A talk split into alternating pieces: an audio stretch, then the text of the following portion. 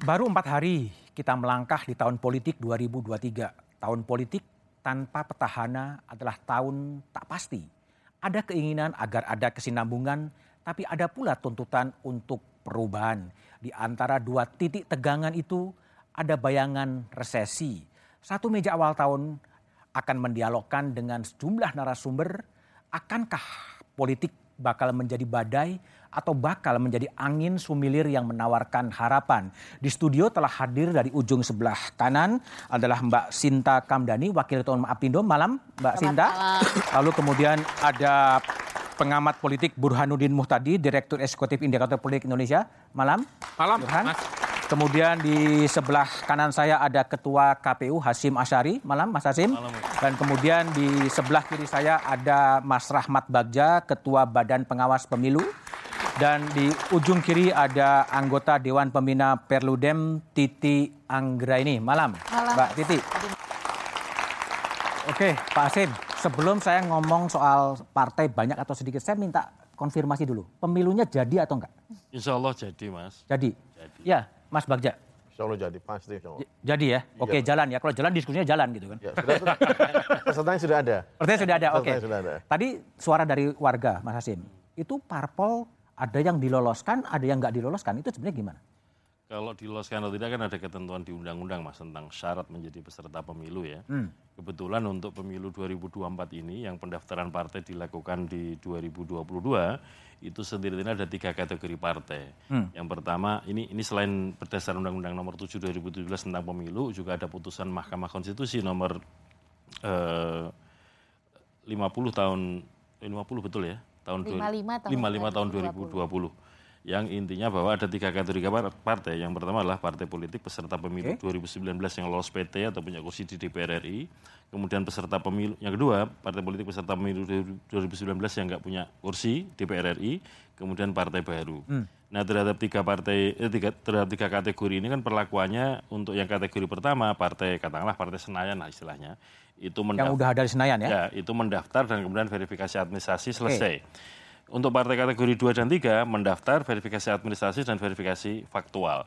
Jadi ketentuan untuk bisa katakanlah dinyatakan memenuhi syarat atau tidak, walaupun partai ini sudah di Senayan punya kursi, harus melalui verifikasi administrasi hmm. tadi itu. Gambar Kalau ada ramai ya. di media soal ya. uh, rumor atau uh, prasangka ada manipulasi atau data yang tidak benar dalam verifikasi partai politik gimana penjelasan Mas Hasim? Kalau dalam pandangan saya ya bahwa kegiatan verifikasi partai kan sesuai dengan apa yang ada di lapangan ya, okay. apakah pengurus, apakah anggota dan hmm? seterusnya.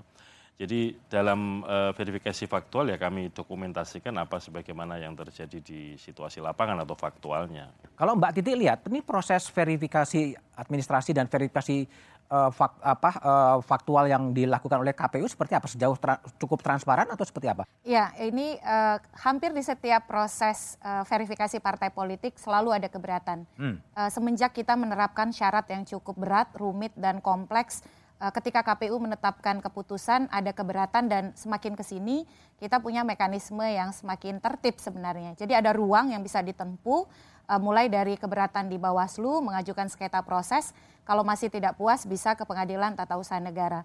Tapi memang ini harus jadi evaluasi betul bagi KPU dan Bawaslu di tengah tuntutan besar kita ingin pemilu sesuai jadwal, bukan hanya sesuai jadwal, tapi kredibilitas hmm. pemilunya. Hmm. Misalnya cukup disayangkan, uh, ini kan tahap awal sebenarnya. Ya. Uh, mulai ada suara-suara soal misalnya keraguan pada kredibilitas uh, hmm. verifikasi faktual. Kalau dulu itu keberatannya pada output akhirnya, keputusannya. Nah kalau sekarang sorotannya itu adalah dugaan keterlibatan bahwa apa yang diinput di dalam sistem yang digunakan oleh KPU itu dihasilkan melalui proses yang uh, boleh dikatakan manipulatif begitu atau inputnya itu tidak sesuai dengan realitas lapangan. Ini problem transparansi atau problem apa Titi? Saya kira banyak, bukan hanya transparansi. Transparansi menjadi persoalan tersendiri. Okay. Catatan pentingnya adalah teknologi kepemiluan kalau digunakan tapi tidak transparan dan akuntabel output dan proses di dalamnya itu bisa rentan menjadi penyalahgunaan. Yang kedua adalah ini kan dikerjakan oleh orang-orang yang ada di lapangan. Hmm? Ketika orang-orang yang ada di lapangan ditekan atau kemudian diminta untuk mengubah hasil. Tekan. Siapa yang tekan? Ya, kalau berdasarkan temuan misalnya yang didapat oleh teman-teman koalisi, pengaduan oleh sejumlah informan yang didapat oleh masyarakat sipil, itu ada tekanan yang melibatkan KPU secara struktural. Ini hmm, yang memang okay. harus dijelaskan oleh Mas Hashim, okay. bukan hanya kita ingin pemilunya sesuai jadwal, tapi kita ingin menjaga lembaga ini. sebagai lembaga penyelenggara yang kredibilitasnya tidak diragukan. Oke, okay, baik. Ini karena tadi ada apa uh, quote unquote prasangka tekanan dan apa dari KPU pusat gimana Mas Hashim merespon itu? Sepanjang yang saya ketahui dan saya lakukan ya, secara Eh, sebagai ketua KPU ya saya tidak ada misalkan mengarah-ngarahkan misalkan harus dibantu partai ini untuk hmm. lolos partai ini tidak lolos nggak ada ya karena situasinya memang sebagaimana yang ada di lapangan ya faktanya misalkan sebagai contoh di provinsi yang tidak yang dinyatakan tidak memenuhi syarat itu ada misalkan pengurusnya itu membuat pernyataan bahwa tidak sanggup lagi melanjutkan uh, verifikasi faktual ya padahal kami kan mengkomunikasikan terus karena kesempatan waktu itu kan dibatasi. Jadi yakin bahwa tidak ada intervensi dari KPU atau dari unsur-unsur di luar KPU? Enggak ada mas, karena KPU ini kan berjenjang KPU pusat, provinsi, kabupaten kota ini kan bagian dari KPU ya. Jadi kalau misalkan e, memberikan instruksi yang dalam tanda kutip tadi e, istilahnya mengintimidasi atau mengancam atau harus begini dan begitu dengan ancaman, insya Allah nggak ada. Nggak ada ya, oke. Bung Burhan, tadi kan banyak suara-suara dari e, masyarakat ya peluang bagi partai-partai baru yang masuk itu bisa mendapatkan suara yang cukup signifikan di antara partai-partai yang udah ada di Senayan sebetulnya? Ya kalau kita lihat dari survei-survei yang kredibel, dari sekian banyak partai baru itu hanya satu yang hmm. punya potensi untuk lolos. Itu pun belum fix. Jadi Partai Perindo itu di kisaran 3 persen. Artinya 3%. bisa lolos, bisa tidak. Okay. Karena dalam survei selalu ada margin of error. Di luar itu, itu potensi untuk lolos berat. Hmm. Jadi eh, pertama untuk mendapatkan dukungan juga tidak mudah. Yang kedua sudah terjadi semacam stabilisasi elektoral di tingkat massa. Karena partai yang mendapatkan kursi di Senayan itu juga tidak sedikit.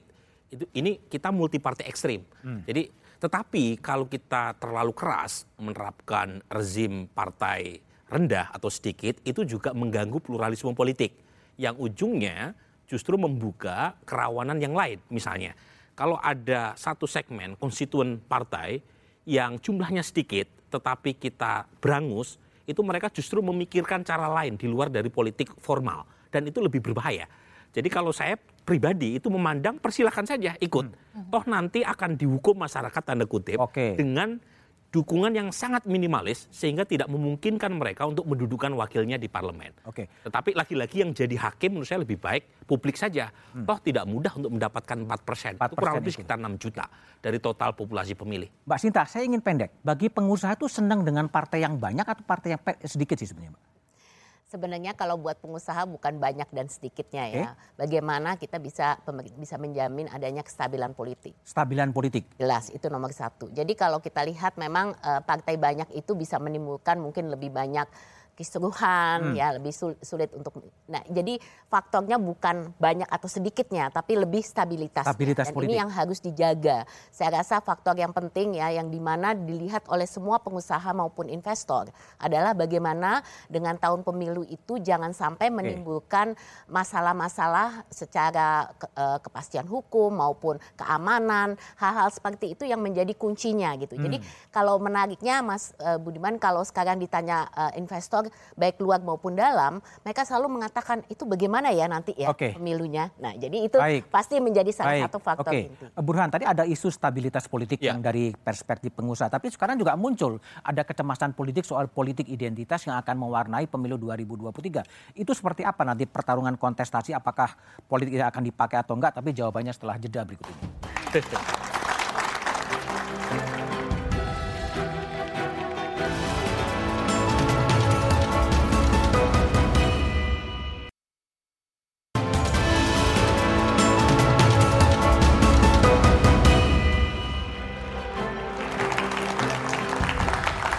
Oke, masih bersama saya Budiman Tanrujo di satu meja The Forum kembali Burhanuddin Mutadi.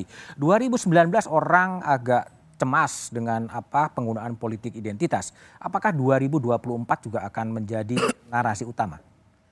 Ya, eh, sebenarnya ini tidak unik Indonesia. Jadi Tidak politik Indonesia. identitas, polarisasi, post-truth itu fenomena global. Bahkan kalau kita bandingkan misalnya dengan Amerika Serikat atau Eropa, itu kadar politik identitas kita itu tidak separah mereka. Polarisasi di sana itu jauh lebih rumit. Tetapi bukan berarti ancaman politik identitas itu lebih rendah karena bagaimanapun masyarakat kita lebih plural. Jadi terlalu berisiko kalau misalnya para calon, calon presiden atau partai politik menggunakan politik identitas sebagai bahan bakar untuk mencari suara. Tetapi seruan semacam ini kan normatif. Normatif, Karena buat politisi mereka hanya mengenal dua kata dalam kamus politik mereka, menang atau kalah. menang atau kalah? Jadi eh, karenanya politik identitas sangat mungkin dipakai oleh siapa pun calon yang punya kesempatan untuk memaksimalkan. Yang penting adalah penyelenggaranya. Apakah KPU, Bawaslu, plus pemerintah punya aturan main atau tidak? Kapan sesuatu itu disebut sebagai politik identitas dan tidak boleh dan kapan dibolehkan? Dan kalau misalnya tidak boleh, ada nggak law enforcement-nya? Oke. Nah kalau misalnya tidak ada law enforce, law enforcement-nya itu sinyal yang buruk. Karena Selain politik identitas, melakukan- apalagi potensial konflik yang bisa terjadi di 2023 menjelang 2024? Nah, sa- saya pribadi justru tidak khawatir di hari hanya. Saya khawatir di 2023-nya, kampanye. 2023 sampai di 2024. Apa yang dikhawatirkan?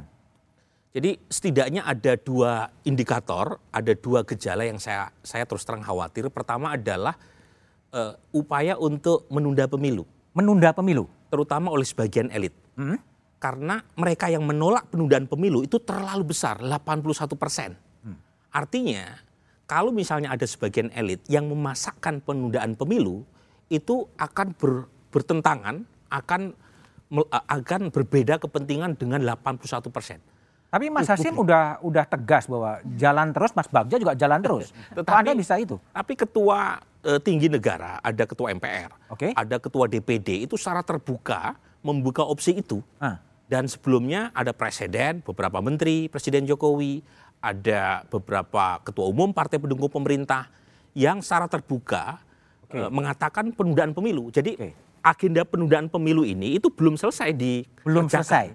Nah kalau misalnya dipaksakan dan itu bertentangan dengan aspirasi 81 persen, artinya dari 10 orang Indonesia 8 menolak, itu terlalu berisiko. Terlalu berisiko Dan ya. itu bisa membuat backlash. Artinya kalau misalnya dipaksakan dan kemudian bertentangan dengan konstituen, saya khawatir akan menimbulkan instabilitas politik Hmm. yang kemudian berujung pada eh, instabilitas ekonomi. Itu yang pertama. Yang kedua adalah saya khawatir ada calon presiden yang punya dukungan kuat tetapi kemudian ada sebab khusus yang membuat dia tidak masuk dalam Oke. gelanggang. Dan kemudian muncul seolah-olah calon presiden yang tadi itu dizalimi. Hmm. Meskipun mungkin tidak ya, tetapi dalam politik kan sering kali persepsi lebih penting ketimbang fakta itu sendiri.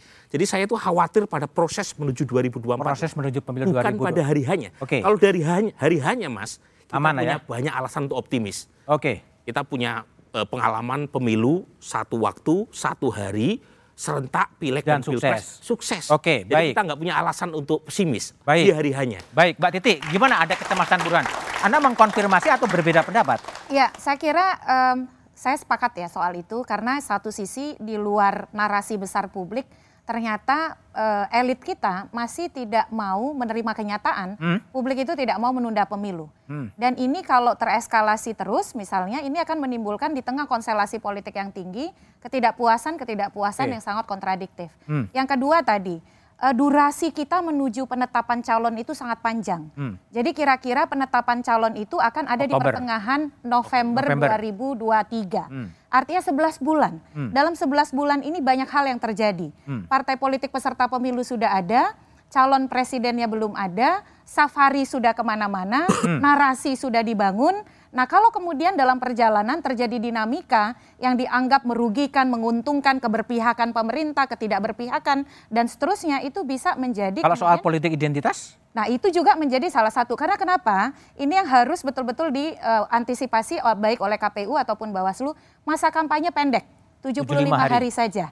Dalam 75 hari itu ketika misalnya kita bisa punya kejutan calon misalnya. Hmm. Calon yang tidak pernah masuk surveinya Mas Burhan. Bisa jadi ya, karena otoritas itu ada di partai, lalu menjadi calon, sangat mungkin itu menggoda untuk menggunakan pendekatan-pendekatan populis, identitas politik, guna mendapatkan dukungan dari publik. Oke, baik. Mas Hasim, jadi KPU ini akan melakukan apa? Tadi kan panggung depan mengatakan bahwa ada penundaan pemilu, hmm. ya wacana yang dilempar oleh uh, ketua MPR dan sejumlah uh, pihak lain, tapi juga ada kekhawatiran soal politik identitas yang akan terus dikembangkan. KPU bisa apa yang bisa dikerjakan? Yang pertama begini mas, uh, tahapan pemilu kan jalan terus ya. Hmm. Yang namanya pemilu itu setidaknya ada tiga ada tiga hal penting. Yang pertama siapa yang memilih, okay. yang kedua siapa yang dipilih, hmm? kemudian yang ketiga proses pemilihannya itu sendiri ya. Hmm. Yang pertama siapa yang dipilih setidaknya sekarang sudah ada partai politik. 17 partai politik. Calon ya, peserta okay. uh, sebagai peserta pemilu. Hmm.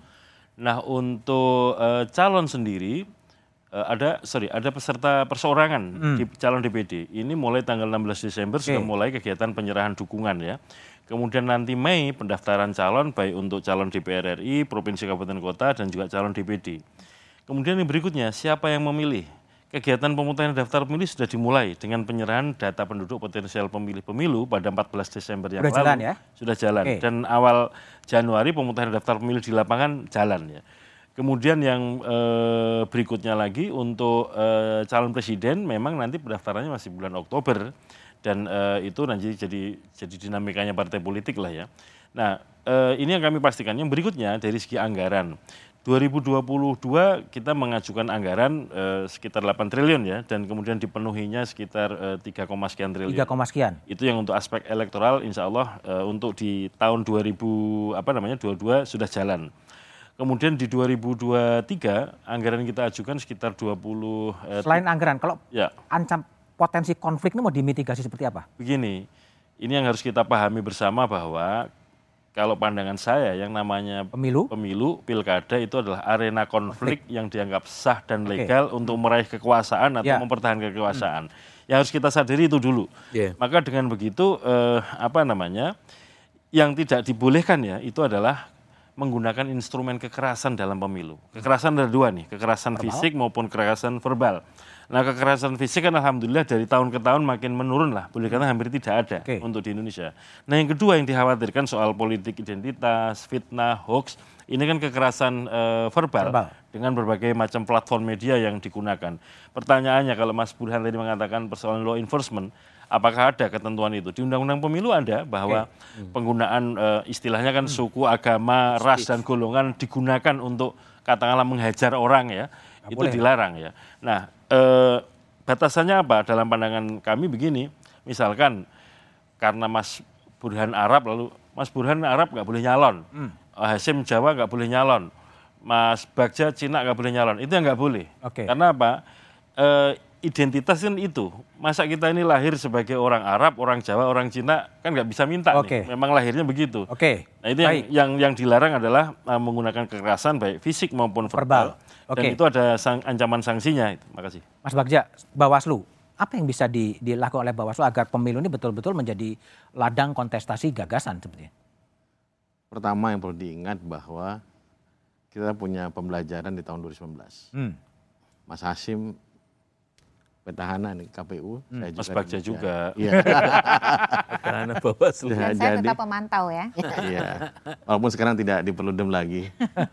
Tapi begini, uh, eh, 2019 punya banyak pembelajaran. Pertama tentang ini akan nyambung antara media sosial, politik identitas atau saya, saya lebih senang menyebutnya politisasi identitas yeah. atau politisasi sara. Yeah. Karena di undang-undang demikian. Jadi uh, kita tidak pernah menyangka platform media sosial itu akan jadi bahan dominan ya menghajar teman-teman hmm. pesaing besar berkompetisi. Jadi eh, ke depan seharusnya kami kami harus mengakui bahwa sebelumnya itu ada hal yang belum selesai tentang pengawasan media sosial. Karena pengawasan media sosial itu begitu uh, TikToknya dengan Kominfo itu agak lama. Sehingga kemudian uh, cep, uh, karena, karena kami tidak punya uh, kekuatan untuk itu, kami serahkan kepada Kominfo. Kominfo kemudian memberikan ini uh, uh, konten ini bermasalah apa tidak ke kami. Okay. Kami kemudian melakukan kajian, baru kemudian ke Kominfo lagi untuk melakukan take down atau hal yang lain. Baru kemudian kalau ada masalah pidana ke Cybercrime Mabes Polri. Inilah yang terjadi 2019. dan eskalasinya begitu cepat sehingga kemudian di situ terjadi polarisasi. Nah perlu kita selidiki juga apakah sampai tingkat uh, di timur Indonesia sampai atau seluruh. Kalau sekarang gimana? 24 kira-kira gimana polanya? Akan hampir sama. Dengan, akan hampir sama. Kalau kita lihat misalnya ada capres yang sekarang ada capres ada capres kan, kan kelihatan nih baca pres belum baca pres okay. tapi sudah mencapreskan diri kan yeah. nah okay. ini kan sudah melakukan safari dan ini sudah mulai di media sosial saling hmm. menyerang satu sama lain okay. dan menjemput lagi tadi antara ras sudah disebut hmm. ini sudah okay. disebut nah itulah jadi permasalahan kita ke depan oleh sebab itu PR Bawaslu ke depan adalah pengawasan media sosial yang kemudian menimbulkan politisasi sara. Hmm. Ini sedang kita eh, bentuk satgas dengan Kominfo untuk, untuk mengatasi itu. Mengatasi itu karena larangannya itu salah satunya nanti kalau diterjemahkan larangannya dalam undang-undang pemilu itu di kampanye. Oke. Nah ini kan antara belum ada kampanye ya? Kan belum bukan masalah belum jelas. kampanye. Nah, Oke. bagaimana pengaturan tersebut? Oleh sebab itu nanti kami sudah ada ininya bahwa ini masuk dalam undang-undang ITE dan undang-undang ITE lebih keras sanksinya daripada undang pemilu. Baik, itu permasalahan baik. juga. Mbak Sinta, dari kalangan pengusaha sebetulnya apa sih yang menjadi kekhawatiran ya kekhawatiran dunia usaha soal eh, tahun politik 2023 dan akan mencapai puncaknya pada 14 Februari 2024. Tapi jawaban Mbak Sinta setelah jeda berikut ini.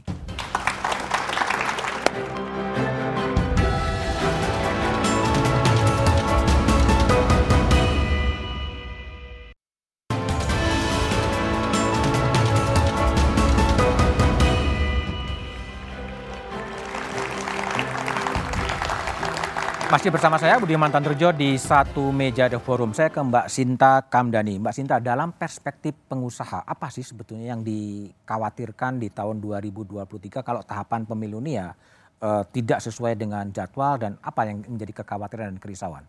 Ya, jadi pertama-tama kita mesti lihat Mas Budiman bahwa tahun depan ini akan menjadi tahun yang cukup sulit. Sulit? Secara ekonomi. Karena kalau kita lihat eh, banyak sekali ketidakpastian dan uh, kalau dilihat dari data dari World Bank IMF juga sudah menunjukkan adanya penurunan ekonomi uh, uh, pertumbuhan ekonomi global. Jadi secara global ini akan menjadi tahun yang sulit. Oke. Okay. Dan uh, kemarin itu kan rata-rata turun sampai bisa 3,2 persen. Ya, jadi ini cukup cukup sesuatu yang harus kita perhatikan dalam kondisi geopolitik dan uh, kondisi global. Nah tentu saja uh, buat kami pelaku usaha di Indonesia ini menjadi satu faktor karena bagaimanapun juga dengan suatu kondisi ekonomi yang walaupun saya mesti ada kafiatnya ya. Kalau dilihat makro eh, eh, Indonesia kan cukup kuat ya secara fundamental. Artinya 23 ya, tahun ya, 23 ya. 23 kan cukup kuat ya. dan dan optimis kalau banyak ekonom mengatakan 2024 juga masih sangat optimis hmm. gitu. Jadi uh, di luar daripada itu kita melihat kondisi uh, sebenarnya di lapangan di mana uh, tentu saja sektor-sektor tertentu mengalami uh, satu uh, penurunan dari segi uh, demand yang luar biasa dari global, global demand. Jadi ekspor penurunan uh, sampai drastis cukup tekstil, sepatu padat karya itu sampai bisa sampai 40 persen penurunan okay. order, sehingga itu akan mempengaruhi juga dari segi yang disebutkan PHK dan lain-lain. Ya, jadi ini kondisi yang tidak akan mudah gitu. Nah, dalam satu dalam sisi lain hal kedua adalah kita mencoba tentu saja untuk tetap bisa menarik investasi. Okay. kita mencoba untuk tetap uh, ekonomi ini bisa tumbuh. Dan kalau diprediksi ekonomi Indonesia kan tahun depan tumbuhnya katanya 5,2 persen which is not bad tapi kalau ditaikin dengan tadi ada ancaman layoff dan lain sebagainya ke politik kira-kira kecemasannya seperti apa? Nah, jadi kalau kita lihat kalau dengan kondisi ekonomi yang secara lap, di lapang ini uh, terutama di sektor-sektor tentu seperti pada target ini sudah parah dengan kondisi politik yang tidak juga bisa menjamin sesuatu yang stabil tadi saya katakan, hmm. tentunya ini akan menambah lagi kan kekhawatiran daripada pengusaha. Nah, di sinilah saya rasa kuncinya kalau selalu ditanya mengenai kenapa sih kita mau yang aman, kita mau tenang, itu sebenarnya lebih kita mau ada keberlanjutan yang dengan kepastian. Oke. Okay. Ya, ini yang yang jadi hmm. jadi kunci. Jadi sebenarnya kita mau jangan sampai uh, dengan kondisi yang sudah sulit itu tahun depan kemudian bisa ditambah dengan kondisi politik yang kisruh, banyak sekali ketidakpastian sehingga kemudian ini menambah beban lagi yang lebih berat.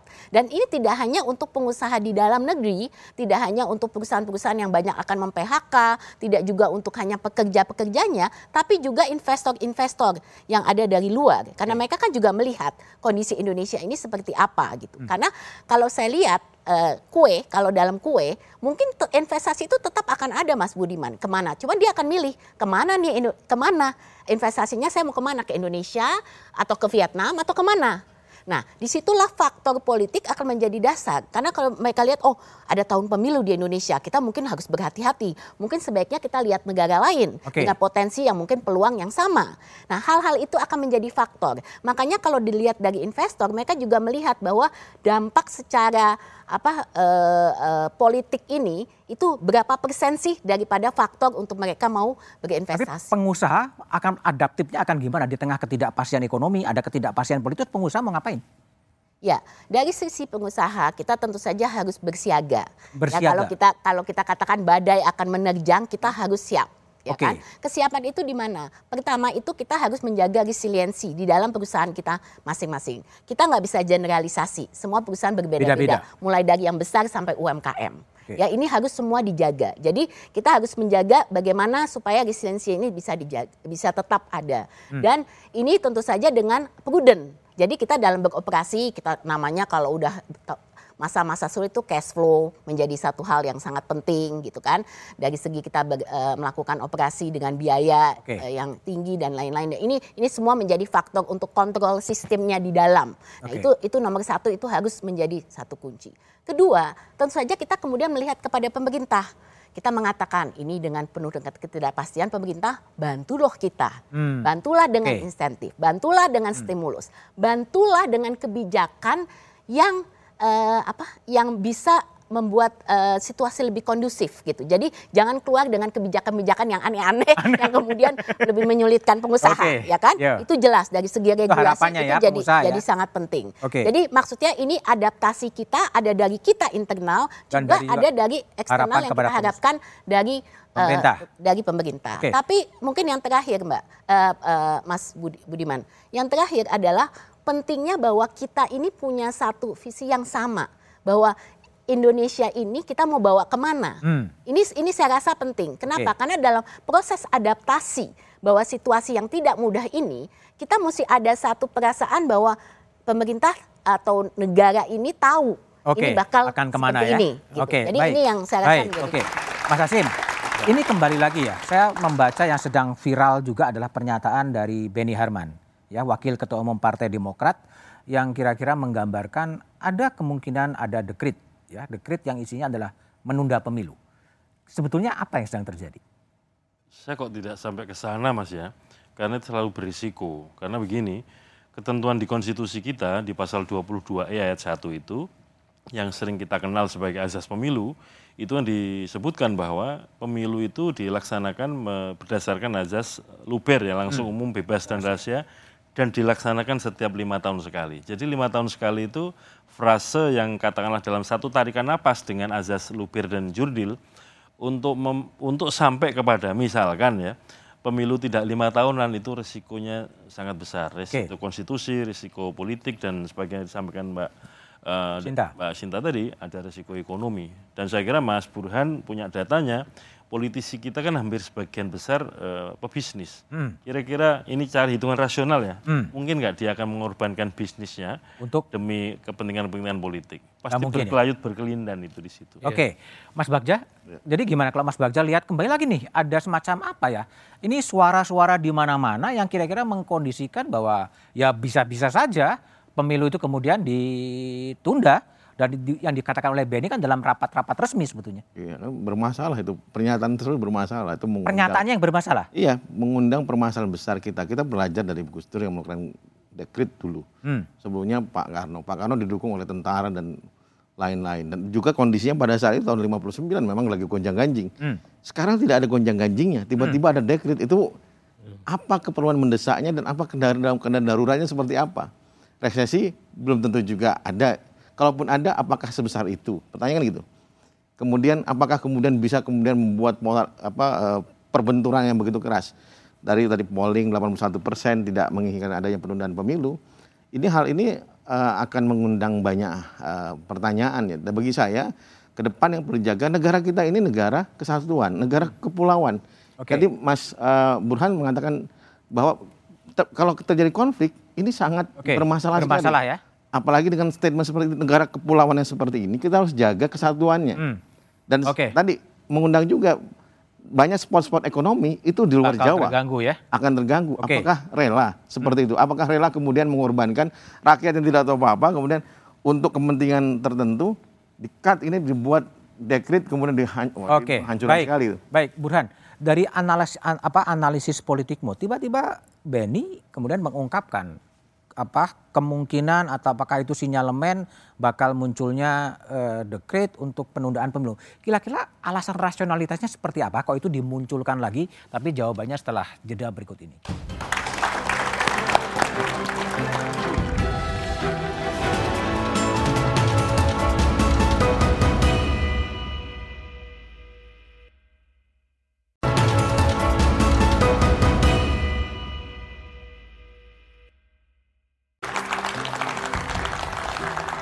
Oke, kembali ke Burhanuddin Muhtadi. Anda yakin atau Anda percaya bahwa dengan sinyalemen munculnya narasi-narasi soal uh, penundaan pemilu itu? Begini, uh, menurut saya kalau dekret seperti yang dikhawatirkan Benny Kaharman, menurut saya terlalu berlebihan. Terlalu berlebihan. Karena tidak ada alasan objektif yang mengharuskan presiden mengeluarkan dekret. Itu seperti bisa menjadi bumerang. Hmm. Dalam pengertian kalau alasannya pandemi, Indonesia itu termasuk negara yang sukses menangani pandemi, top 5.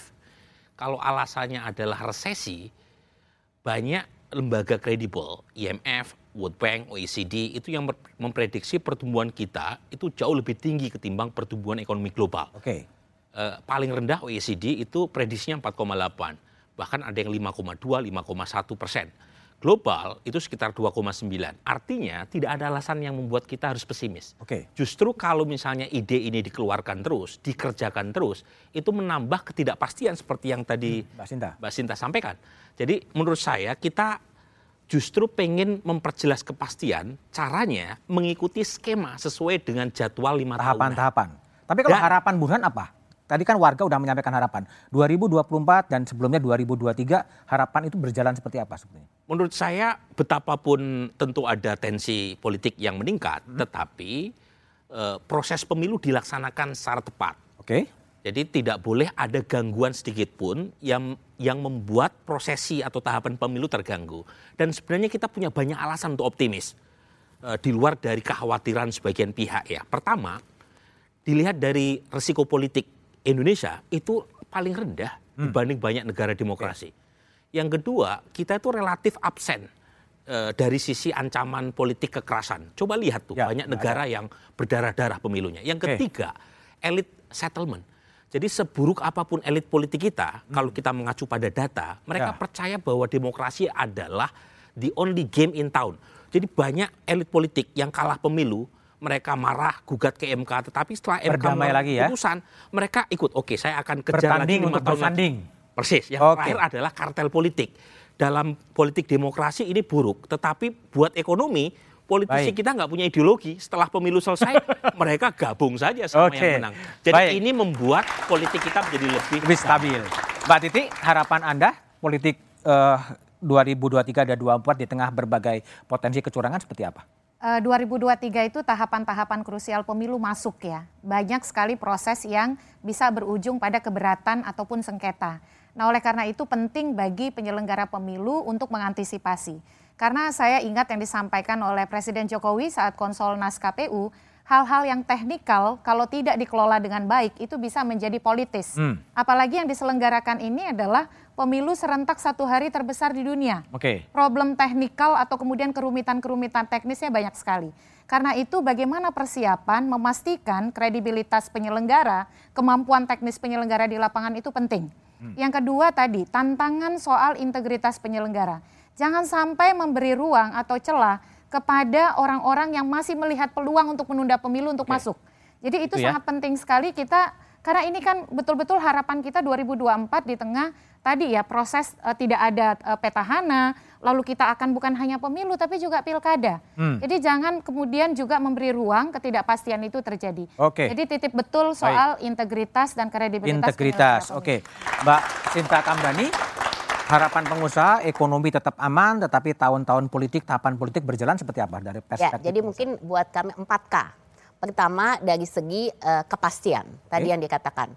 Nah kepastian ini juga termasuk kepastian bahwa pemilu akan diselenggarakan, hmm. kemudian prosesnya seperti apa okay. ini harus kepastian karena kalau tidak tidak kita ada ada pertanyaan oh ini mungkin berubah ini begini ini menimbulkan uh, tadi, tadi ya pertanyaan uh, baru ya banyak ya. Okay. Kedua adalah keamanan. Keamanan. Yang jelas harus aman, aman okay. jujur adil itu harus harus ada karena keamanan ini faktor yang paling dikhawatirkan kalau misalnya ada apa ada apa kisruh di sini, konflik di sini, itu itu kemudian menimbulkan banyak sekali uh, apa namanya uh, negatif image ya. Jadi uh, image negatif dari pihak luar dan seperti uh, diketahui kadang-kadang ini bisa dibesar-besarkan okay. juga. Jadi hati-hati gitu ya. Ketiga, ya. Jadi, kenapa? Ketiga tadi. Yang ketiga, yang ketiga ini adalah yang penting keberlanjutan. Keberlanjutan. Nah, sebenarnya yang dikatakan penundaan pemilu dan lainnya itu sebenarnya faktornya adalah keberlanjutan. Oke. Okay. Keberlanjutan itu kenapa? Karena kita mau bahwa siapa pun yang jadi, okay. ini jangan Berjalan. merubah terlalu banyak okay. polisi yang sudah baik. Okay. Gitu. Yang keempat? Ya kan? Dan yang keempat adalah koordinasi dan kolaborasi. Hmm. Saya rasa itu kunci okay. utama. Karena apa pun yang terjadi, kita harus terlihat sebagai satu Indonesia Incorporated. Dan ini sangat penting. Baik, Mas Rahmat. Jadi Bawaslu akan mengerjakan apa agar semua ini bisa on the stage berjalan sesuai dengan jadwal itu sendiri? Pertama tentu kami akan memastikan teman-teman KPU melaksanakan penyelenggaraan pemilu sesuai dengan peraturan perundang-undangan. PKPU dan kawan-kawan. Kemudian yang kedua adalah kami juga harus memastikan bahwa seluruh peserta pemilu itu ikut himbauan Bawaslu dan juga KPU. Hmm. Karena kami yakin eh, kami punya kepentingan yang sama, visi yang sama, dan misi yang sama untuk penyelenggaraan pemilu yang sesuai dengan peraturan perundang-undangan dan pesan Presiden pada Konsolnas okay. Bawaslu kemarin adalah jangan sampai juga kita begitu ketat terhadap aturan membuat hmm.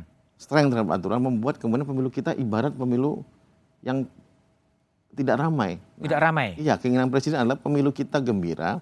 Berarti kan ada satu pesan dari presiden bahwa tahun depan adalah tahun pemilu yang gembira, tahun pemilu yang ramai dengan alat peraga yang menandakan bahwa ekonomi kita tidak resesi. Bergerak. Okay. Ekonomi kita bergerak. Okay. Jadi pesan itu yang kemudian Baik. tersampaikan dan satu lagi pengawasan terhadap media sosial. Oke, itu yang menjadi kekhawatiran. Ya. Mas Hasim, harapannya adalah KPU yang berintegritas yang bisa menjalankan pemilu apa yang akan dilakukan oleh kami untuk menjawab ekspektasi publik itu? Yang pertama begini ya bahwa tahap, bahwa penyelenggaraan pemilu kan ada tahapan-tahapannya. Jadi saya katakan siapa yang memilih, siapa yang dipilih, okay. kemudian proses pemilihannya itu sendiri. Ya.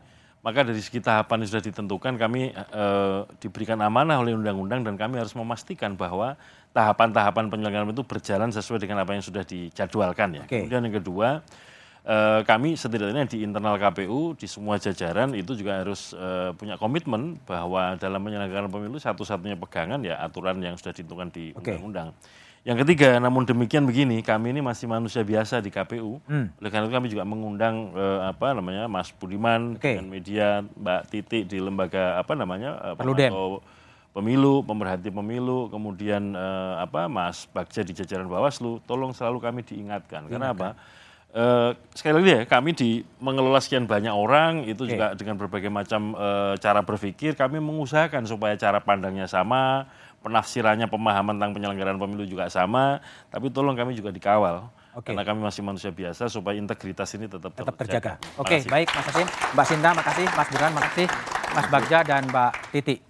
2023 baru saja kita lewati ada yang menyebutnya tahun politik, ada yang menyebutnya tahun gelap karena tak bisa diprediksi. Resesi disebut-sebut menghantui. Di tengah situasi serba tak pasti, jalani saja 2023 menuju musyawarah besar bangsa, menuju pesta demokrasi 14 Februari 2024. Setia pada konstitusi dan demokrasi akan jadi pengawal negeri ini. Demikian satu Minja The Forum malam ini. Sampai jumpa pekan depan. Selamat malam dan terima kasih.